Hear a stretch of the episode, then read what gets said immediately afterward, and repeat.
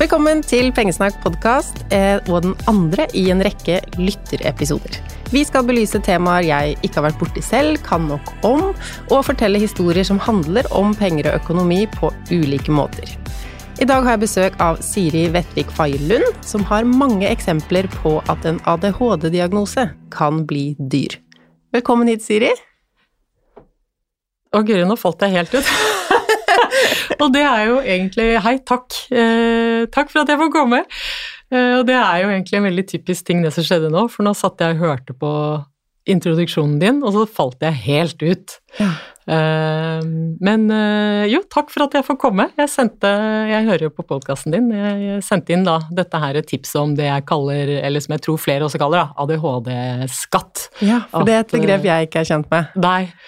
Uh, og det handler jo om at uh, Jeg skal ikke snakke for flere enn meg selv, eller Men en del med ADHD strever jo med å organisere hverdagen sin, og da det resulterer jo i en del sånn ja, uh, purringer, eller at man glemmer å betale, glemmer å kjøpe billett eller et eller annet, og så ja, det, kommer det litt ekstra kostnader, og det for min del har det skjedd ganske jevnlig, egentlig, da. Så da tenkte jeg at det kunne kanskje være et tema hos deg. Ja, det var eh, kjempefint at du sendte meg den meldinga, og det sa du du var midt i et veikryss på vei hjem fra trening.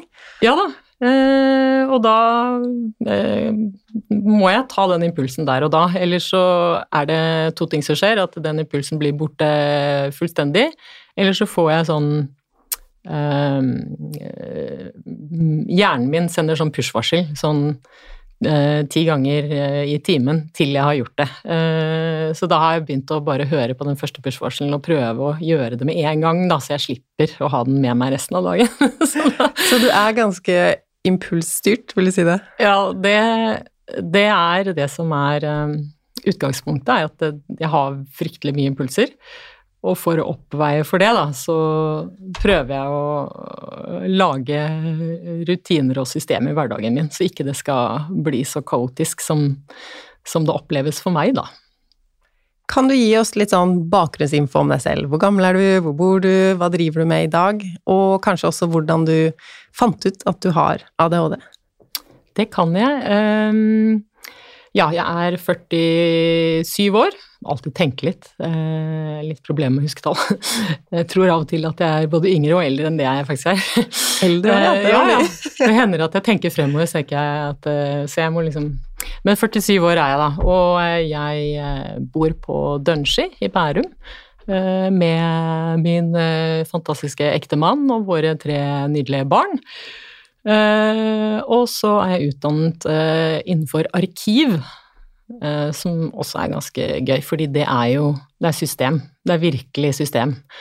det er organisere ting så du kan finne det igjen, ikke sant. Det er jo At en med ADHD skal jobbe som arkivar? Ja. Uh, og det er fordi at uh, hvis jeg har gode systemer, så får jeg litt sånn ro inni meg. Da, da kan jeg stole på systemet, ja.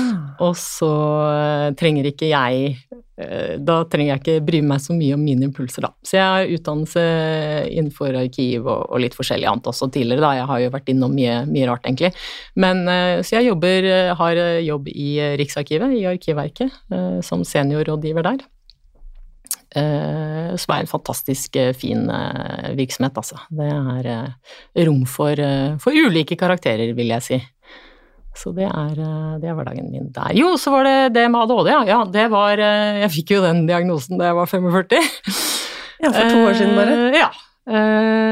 Ja, det var det, når jeg tenker meg om. Ja. Og det var flere rundt meg som helt uavhengig av hverandre bare gikk ut ifra, etter å ha møtt meg, at jeg hadde ADHD. Det var litt sånn Ja, en kollega, som jeg eh, som, eh, som har familiemedlem med ADHD, som kjente det nok veldig igjen og sa du, åssen eh, går det med ADHD-en da, Siri? Så trodde jeg det bare var tull. Jeg vet at jeg alltid har vært veldig sånn snakkesalig og impulsiv og liksom sånt noe, men jeg tok ikke det sånn veldig videre da. Og så jeg leste til og med leste en, en bok jeg litt tilfeldigvis kom over, hvor det var en, en, dame som fortalte om sin historie som udiagnostisert ADHD. Så tenkte jeg sånn, ærlig talt, sånn har jo alle det.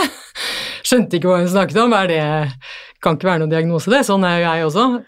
Tok ikke den slutningen da at kanskje jeg hadde ADHD. Det falt meg liksom ikke inn, da. Men etter hvert så kom det ganske mye fra flere kanter, og så til slutt så nevnte jeg det da Nevnte jeg det for fastlegen min.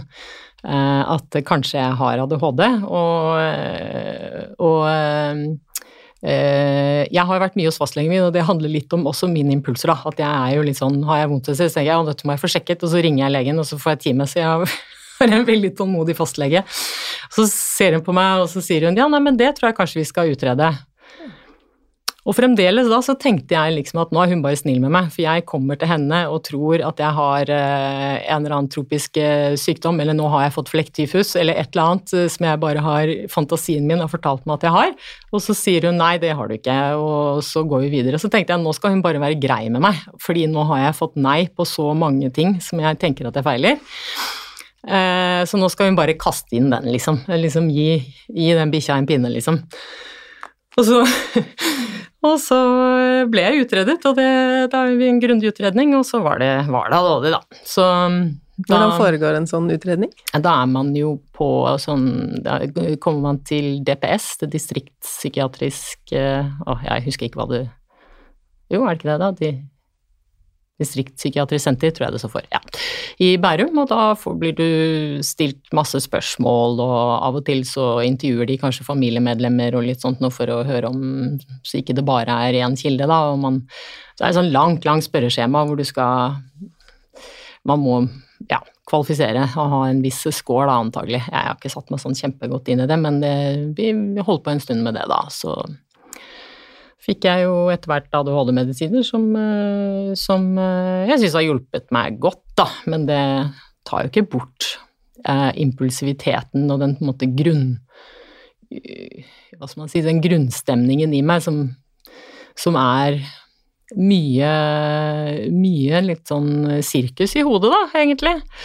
Uh, men det gjør eh, tankekaoset litt Det går litt treigere, sånn at jeg får litt mer sånn tid mellom impulsene og sånn.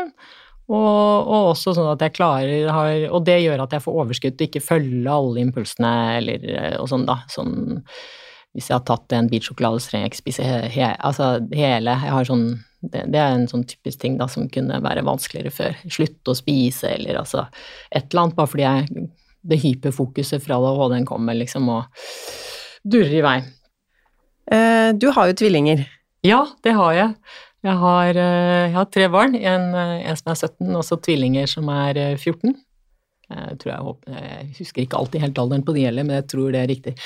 Um, fordi no, altså det å huske tall er veldig vanskelig for meg, da, rett og slett. Men øh, ja, nei, øh, men det Jeg visste jo ikke at jeg ventet tvillinger øh, før ganske langt ut i svangerskapet, og det er jo også fordi at jeg strever av og til med å ta til meg informasjon. Jeg detter ut av samtaler, også da da jeg var til kontroll hos fastlegen min under det svangerskapet, og vi skulle høre på sånn hjerteultralyd.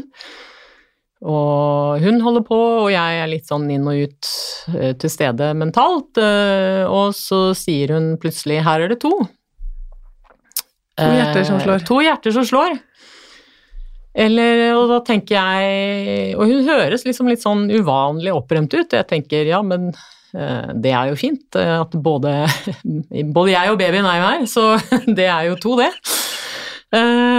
Og hun fortsatte å snakke om liksom jeg kom til å bli trøttere enn sist, da, ikke sant, jeg hadde jo vært gjennom et svangerskap før, og liksom sånn, du kommer til å bli veldig liksom plaget kanskje så og så den uken, og har du tenkt på hva fødselen Og så tenkte dette var veldig Jeg har jo vært igjen, men dette jeg skjønte ikke hva hun maste med, liksom. At uh, tenkte ja, jeg vet jo at andregangssvangerskap er litt mer sånn litt mer slitsomt fordi du gjerne da har et lite barn fra før, da.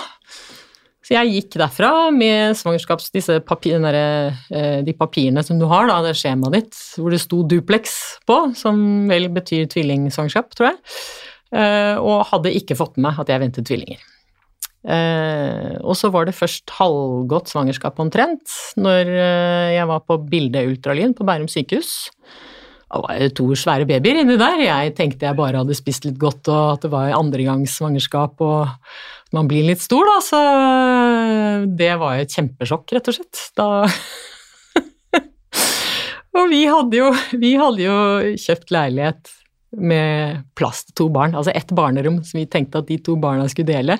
Og nå var det tre. Og, var det, og det, var ikke et stort, det var ikke et stort barnerom, da. Så det er eh, Men vi eh, Vi ble jo i den leiligheten, og de, de tre, de var, det var liksom to sprinkelsenger i vinkel med en sånn Det er ganske mange sånn tenåringer som har sånn høy, høy eh, seng hvor du har skrivebord under, da. Eh, så der sov han eldste. Eh, så det så jo bare Det så ut som sånn varelager for barn, egentlig. Det var, så, var ikke plass til noe annet i det rommet enn de sengene. Eh, men eh, det verste var at altså, dette fungerte jo så fint, fordi den leiligheten var jo litt liten til, til tre barn. Jeg tror det var Ja, det var liksom 65 kvadratmeter eller noe sånt nå. Um, og da hadde vi da tre barnehagebarn med alt det uh, er av gummistøvler og Sherrox og dresser og alt mulig sånt noe. Men det gjorde jo også at vi måtte ha en veldig minimalistisk livsstil. Det var ikke plass til en ting mer i den leiligheten enn det vi trengte. Så det Og det er jo sånn som er veldig godt for meg. Færre valg. Ja. Det er sånn du har fortalt om i garderoben din òg, hvis det er mange valg og masse ja. farger, så kan du bli stående Altså da, øh, før jeg skjønte hvordan jeg var nødt til å ha det for å kunne rekke å komme meg på jobben øh, hver dag, så, så, så, kunne jeg liksom Det kunne ende med liksom fortvilelse, for jeg sto liksom og klarte ikke å bestemme, fordi den buksen som jeg hadde bestemt meg for å ha, som passet til været det skulle være dagen etter, den passet ikke til Altså, det, det, det blir Det høres jo fryktelig dumt ut, jeg hører jo det når jeg snakker, men det er sånn Hvis ikke klærne mine er ganske få, ensfargede og passer sammen, så kan jeg bli stående som en sånn sånn dumt klovdyr og bare ikke komme meg videre. Altså, jeg klarer ikke ta det valget. så, så, så, det da jeg, Etter at jeg studerte litt, da, etter at jeg hadde fått tvillingene, og da, det er jo en ganske fleksibel hverdag, og da er det jo litt sånn det er støvler og jeans og en collegegenser, det er ikke så farlig når du er student, liksom. Så skulle jeg begynne jobb, da, og komme meg på jobb i kontorklær hver dag. Altså det var Jeg brukte så mye krefter på det. Eh, så det er eh, Ja, nei, det blir, blir lett overveldet, da. Så da prøver jeg å gjøre alt så enkelt som mulig for at det skal Jeg skal unngå sånne altså sånn tids, Det er så tidstyv, da. Det å bli stående og ikke klare å ta et valg. Mm. Går plutselig tiden, og så kommer jeg ikke videre i dagen min, da. Så det er eh, ja. Og hva slags økonomiske konsekvenser kan det her ha? Eh, det er jo eh, Det at valget er vanskelig, kan jo gjøre at jeg tar dyre valg, f.eks.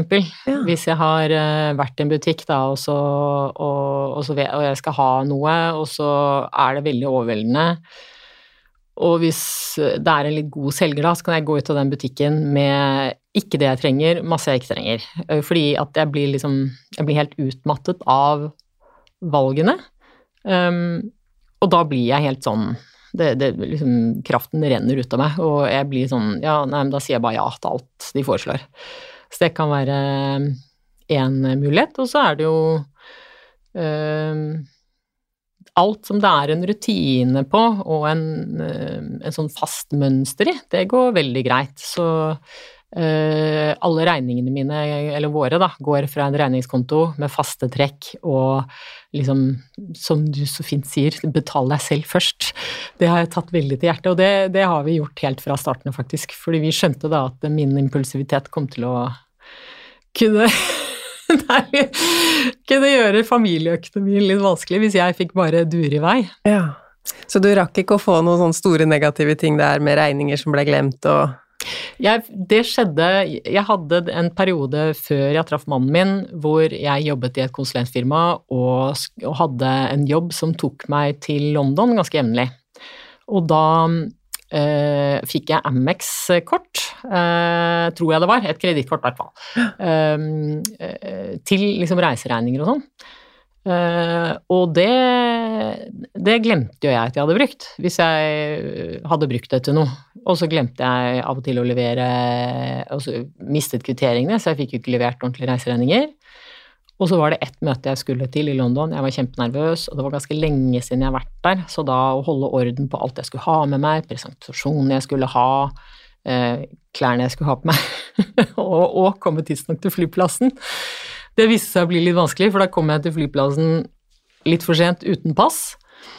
Eh, og det endte opp med at jeg måtte da ikke bare kjøpe meg nødpass, Eh, men som jeg jo hadde gjort et par ganger før, da, fordi jeg har det med å glemme det passet. Um, men jeg måtte også kjøpe meg en ny billett, og det var bare ledig på business class.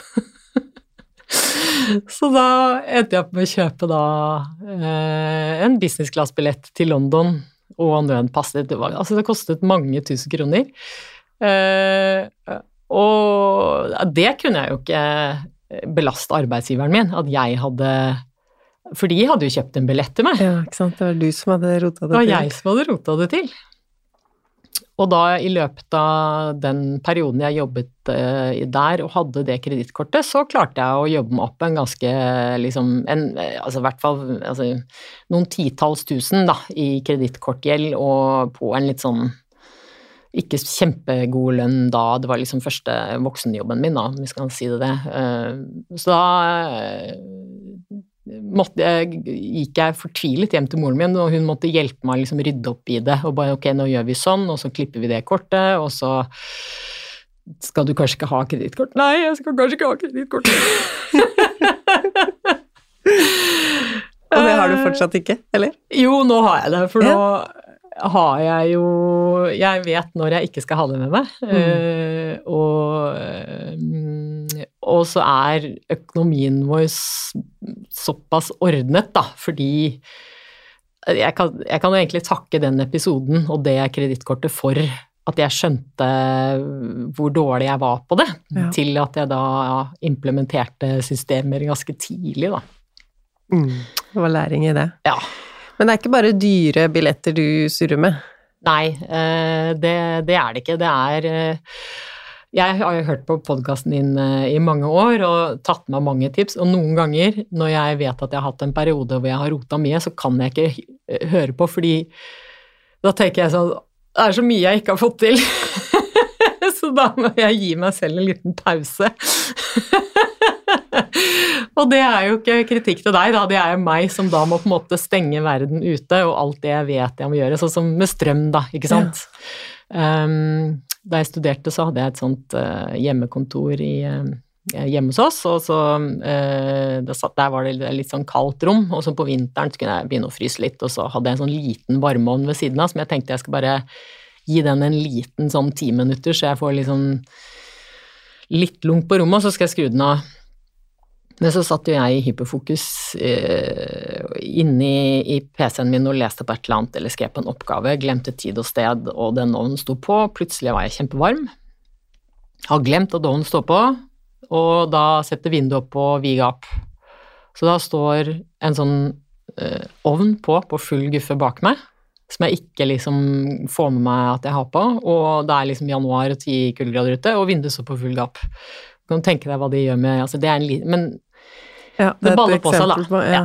Også, jeg tror jeg skrev til deg et eksempel om, om eh, varmtvann og dusj. Fordi jeg har eh, jeg har, jeg har hårkulen min stående i et skap på badet, ikke inne i dusjen. For jeg bruker ikke den hårkulen hver gang jeg vasker håret. Og det jeg typisk kan gjøre, er å gå for å hente den hårkulen, og så kommer jeg på på vei bort dit, så kom jeg på et eller annet Å, jeg skulle, jo, jeg skulle jo si det til sønnen min som jeg hørte komme, jeg skal si fra til han at et eller annet, da. Og da står dusjen på? Da står dusjen på, for jeg, skal jo, jeg har jo ikke skudd av den, for jeg skal jo bare to meter frem til det skapet, hente hårkuren og tilbake igjen i dusjen. Men idet jeg har snudd ryggen til, har jeg glemt den dusjen. Og så går jeg ut av badet med håndkle rundt meg, fordi jeg skal jo bare si en beskjed til sønnen min, og så og så går jeg ned til han og sier det, og så tenker jeg ikke noe mer på den dusjen. Og jeg har håndkle rundt meg og, og kjenner at nå er jeg jammen litt sulten. Lager meg et par skiver og setter meg ned og spiser en kveldsmat med han, da. Og så plutselig hører jeg oppefra, da, eh, jeg husker ikke om det var ja, et av de andre barna som sier 'mamma, nå har du glemt å skru av dusjen', det er helt tå... Altså er det liksom det er, ikke, det er som et sånn tyrkisk dampbad i andre etasjen. Så jeg har på en måte fyrt med varmtvann, liksom. Altså Ja. det er eh, tropisk klima.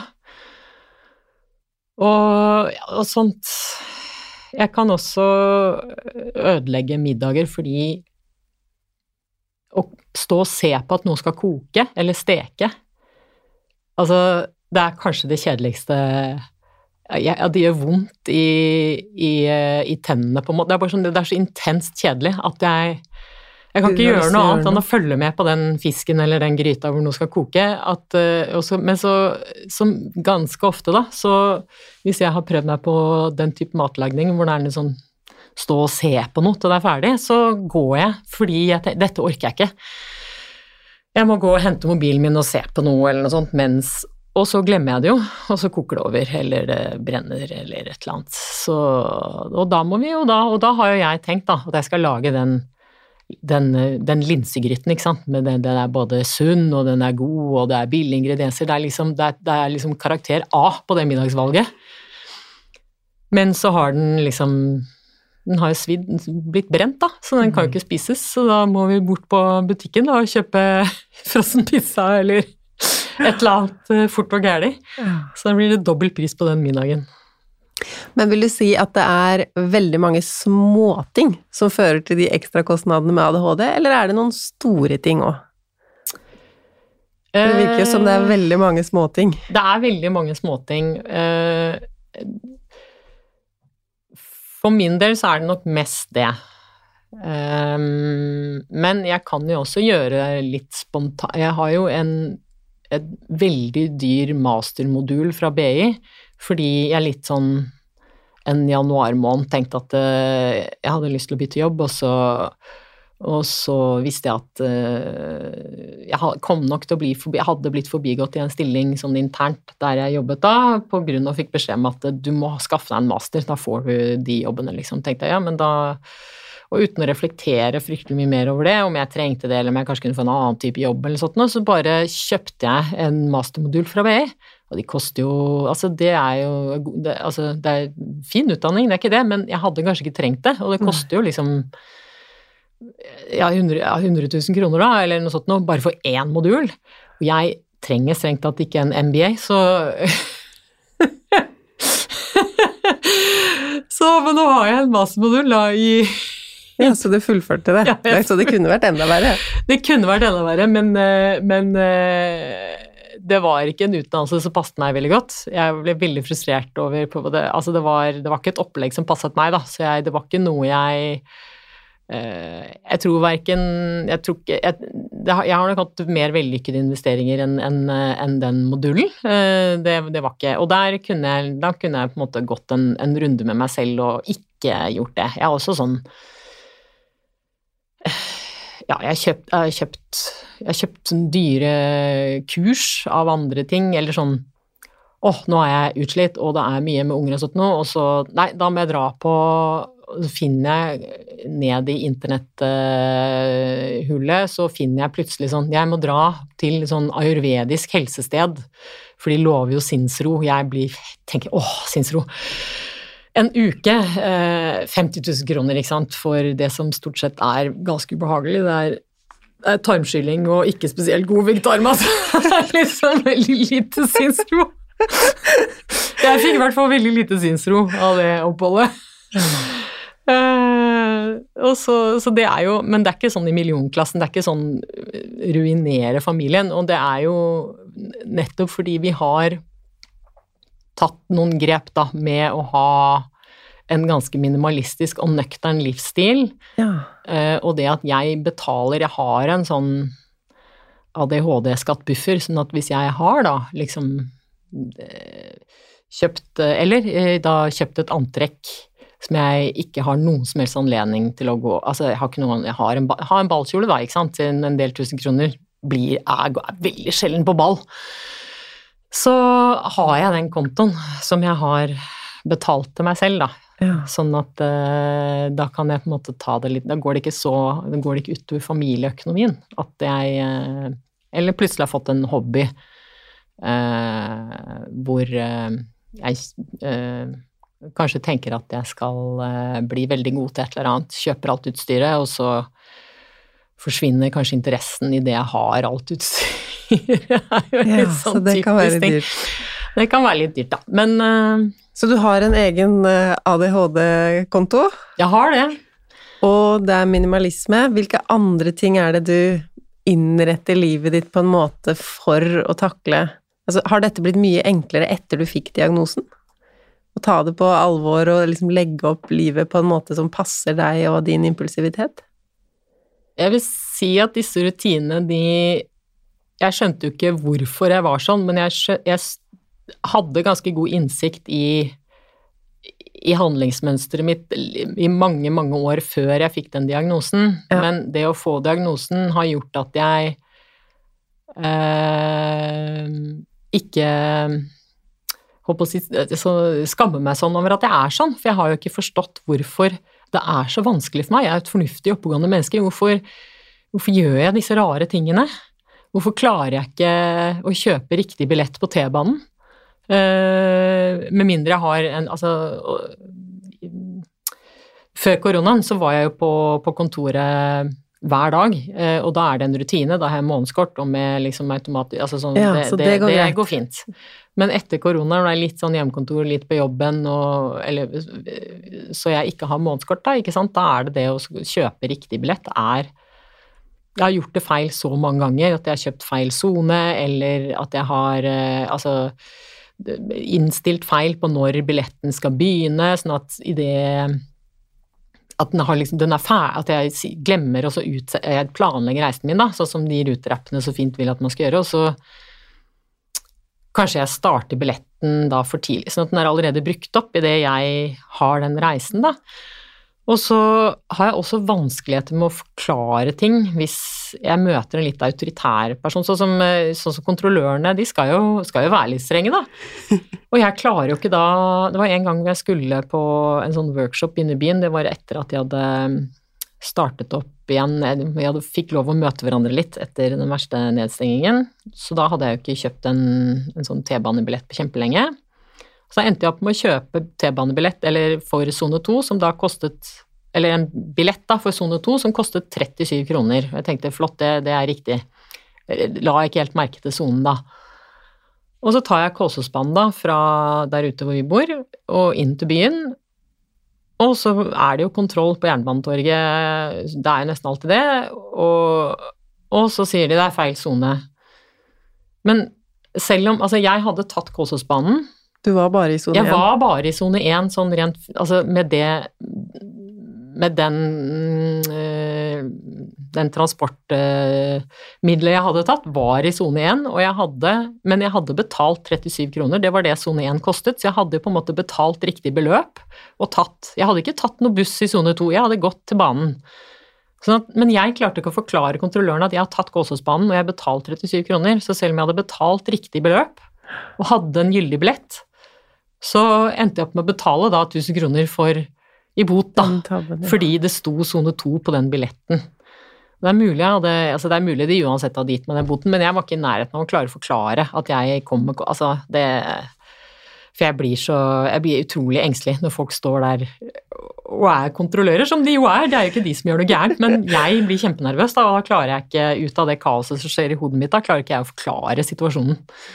Så, men nå husker jeg jo ikke hva du spurte om. Nei, vi er jo egentlig på vei inn i hva du gjør og hvordan du legger til rette. Men ja. en historie du har nevnt at du har til meg, det handler om eh, brudekjolen din. Ja, um, det stemmer. Uh, da vi skulle gifte oss, så var jeg ganske tidlig ute med forlo forloveren min. Hun eh, tipset meg om at det var å, nå er det en av de brudebutikkene i sentrum, de skal ha utsalg nå, for de skal legge ned en Å, topp, ikke sant. Kan få halv pris på brudekjole, det er jo helt supert. Ja. Eh, og så gikk vi inn i den butikken, og eh, så er det noe jeg opplever som jeg har skjønt at en del andre med ADHD også opplever, det er en slags eufori når du har på deg noe nytt. Altså bare, eller ved det nye, noe som er liksom Og dette er helt nytt. Da er det liksom Det trigger en slags sånn Altså en sånn intens gledesfølelse. Men dessverre så skygger den fullstendig for om det er min smak, om det er noe jeg trenger, eller om det er riktig. Altså, det er bare sånn Å, se denne nye, fine tingen! Det er helt sånn Ja, det høres ut som det kan bli kjempedyrt. Holder du deg vanligvis unna kjøpesenter og sånn, du da? Ja, jeg gjør det nå. Ja. eh, fordi jeg har, jeg har gjort utrolig mange feilkjøp fordi jeg bare får den Å, kommer inn i en butikk, og det er så mange hyggelige mennesker som jobber, og som er så flinke til å finne frem ting, og de spør jo liksom liker du det, og jeg Å, så flott! Føler meg så fin! Har på meg klær, kjenner Åh, føler meg som en million dollars, ikke sant? Og så kommer jeg hjem. Og så er det akkurat som det er liksom noen sånne skjell som faller av øynene mine, og så bare Men hva er Det er jo ikke min smak eller stil eller passer inn Og så var det med brudekjolen også. Og så, ja, med brudekjolen så var det én ting at det var egentlig ikke sånn brudekjole jeg hadde tenkt å. Altså, det var ikke altså, det, var det var den første brudekjolen jeg prøvde. Så bare Å, se, jeg ser ut som en brud! Fullt fyrverkeri i hjernen min med alle de belønnings... Altså sånn hormon... Jeg, er ikke noe lege, så jeg Men altså, det er bare det er sånn, det er fullt, det er fyrverkeri i hodet mitt, liksom. Se så fin jeg er, liksom. Den første kjolen. Ingen sånn analytisk evne eh, når frem til min bevissthet om om det er den som er den fineste, om jeg skal prøve noen andre, og til og med forloveren min prøver liksom Men nå, du har bare prøvd én da hører jeg ikke på noen ting. Jeg bare er så i det øyeblikket at dette er så fantastisk. Se en brudekjole, liksom. Jeg kjøper den. Og så viste det seg at den den var heller ikke nok stoff i til å kunne, for den var litt trang over ryggen. Og så eh, så sa jo de butikkene at men du kan jo legge den ut. Og tenkte jeg ja, det er kjempefint, så jeg kjøpte den da. Og så en ti dager før bryllupet, så Og jeg skal hente den fra de som skulle sy den ut for meg. Og så sier de det er, altså det er ikke nok stoff i den, liksom. Det er, du, jeg, var ikke en, jeg var ikke en sjans på å få den igjen. Så da er det liksom ti dager til bryllupet. jeg har ingen brudekjole. Så da må jeg gå på en ny salong og kjøpe en ny brudekjole. Ja. Så da hadde jeg lenge to i skapet. Det Og sånn har jeg jo Jeg har jo da jeg si, gått i butikker og tenkt liksom Nei, nå skal jeg kjøpe, nå trenger jeg liksom Jeg trenger en bo, sånn bukse og en sånn genser, og så kommer jeg ut liksom med flere antrekk som jeg da ikke trenger. Men eh, så kom jeg på at det går an å få hjelp. Så det jeg har gjort, da, er egentlig å gjøre noe som høres ut som en veldig luksusting. Og kjempedyrt, liksom. Men for meg har det lønt seg. Og det er at jeg bruker rett og slett den personal shopper-tjenesten. Fordi da har jeg et menneske som jeg kan si jeg, Du kan ikke stole på mine impulser når jeg skal handle. Det jeg trenger, er ensfargede plagg i en minimalistisk stil. Som kan, jeg kan, gi- jeg kan gi liksom den beskjeden, sånn at når jeg så da, Og da går øh, denne personen og henter liksom inn klær. Fantastisk luksus, da. Det er Altså, en du er med tjeneste. i butikkene, eller Nei, til et annet rom? Da sitter da jeg da tar denne personen og henter øh, fra de butikkene som hun sikkert har avtale med eller noe sånt noe, og så har hun med liksom et stativ med alternativer til meg. Eh, og så prøver jeg de klærne, og så har jeg på forhånd sagt til henne hva jeg trenger, så hun kan liksom, hvis jeg plutselig liksom Å ja, kanskje jeg skal ha to av de, for det var- begge var fine. Så sier hun, men nå sa du til meg at du skulle ha én, ikke sant, så ja. Så jeg Perfekt. har rett og slett eh, Hun holder meg i øra, da. Så jeg eh, Og da slipper jeg å gå i butikker selv. Og da slipper jeg å komme hjem med fjærboa eller leopard eh, heldress, liksom, som jeg da ikke har så mange steder å bruke. Eh, Så det har rett og slett eh, Og da også, så da, da har jeg satt av penger til den, den handleturen. Og gitt et budsjett til den personen. Ja. Og da trenger ikke jeg gå i noen butikk, for da har jeg klær de neste typ ja, tre årene, liksom. Altså det, da trenger jeg ikke handle noe, for da har jeg det jeg trenger. Men så bra at sånne tjenester fins, og at det fins måter å um, ja, gjøre ting som passer for seg, da. Ja. At som du sier, det her høres jo så luksus og dyrt ut, men i sum så virker det jo som at dette blir rimeligere for deg, fordi du vet hvordan du ville Ja. vært på et kjøpesenter selv. Ja, da unngår jeg feilkjøpene. Og da kjøper jeg en sånn stor bølt med klær, og da unngår jeg all småhandlingen. Og så er det ofte da en litt sånn Det er en høy pris, da, og det er jo kvalitetsprodukter fordi de skal vare for meg da i, i flere år, og det, det gjør de jo. Så da er det budsjett over tid overgår ikke den uh, SIFO-kalkulatoren. Uh, som også er et verktøy jeg bruker mye, forresten. Ja, som en sånn veiledning. På hvilken måte da? Um, det er jo fordi jeg er impulsiv og uh, og syns det er jo Jeg syns det er kjempegøy å bruke penger.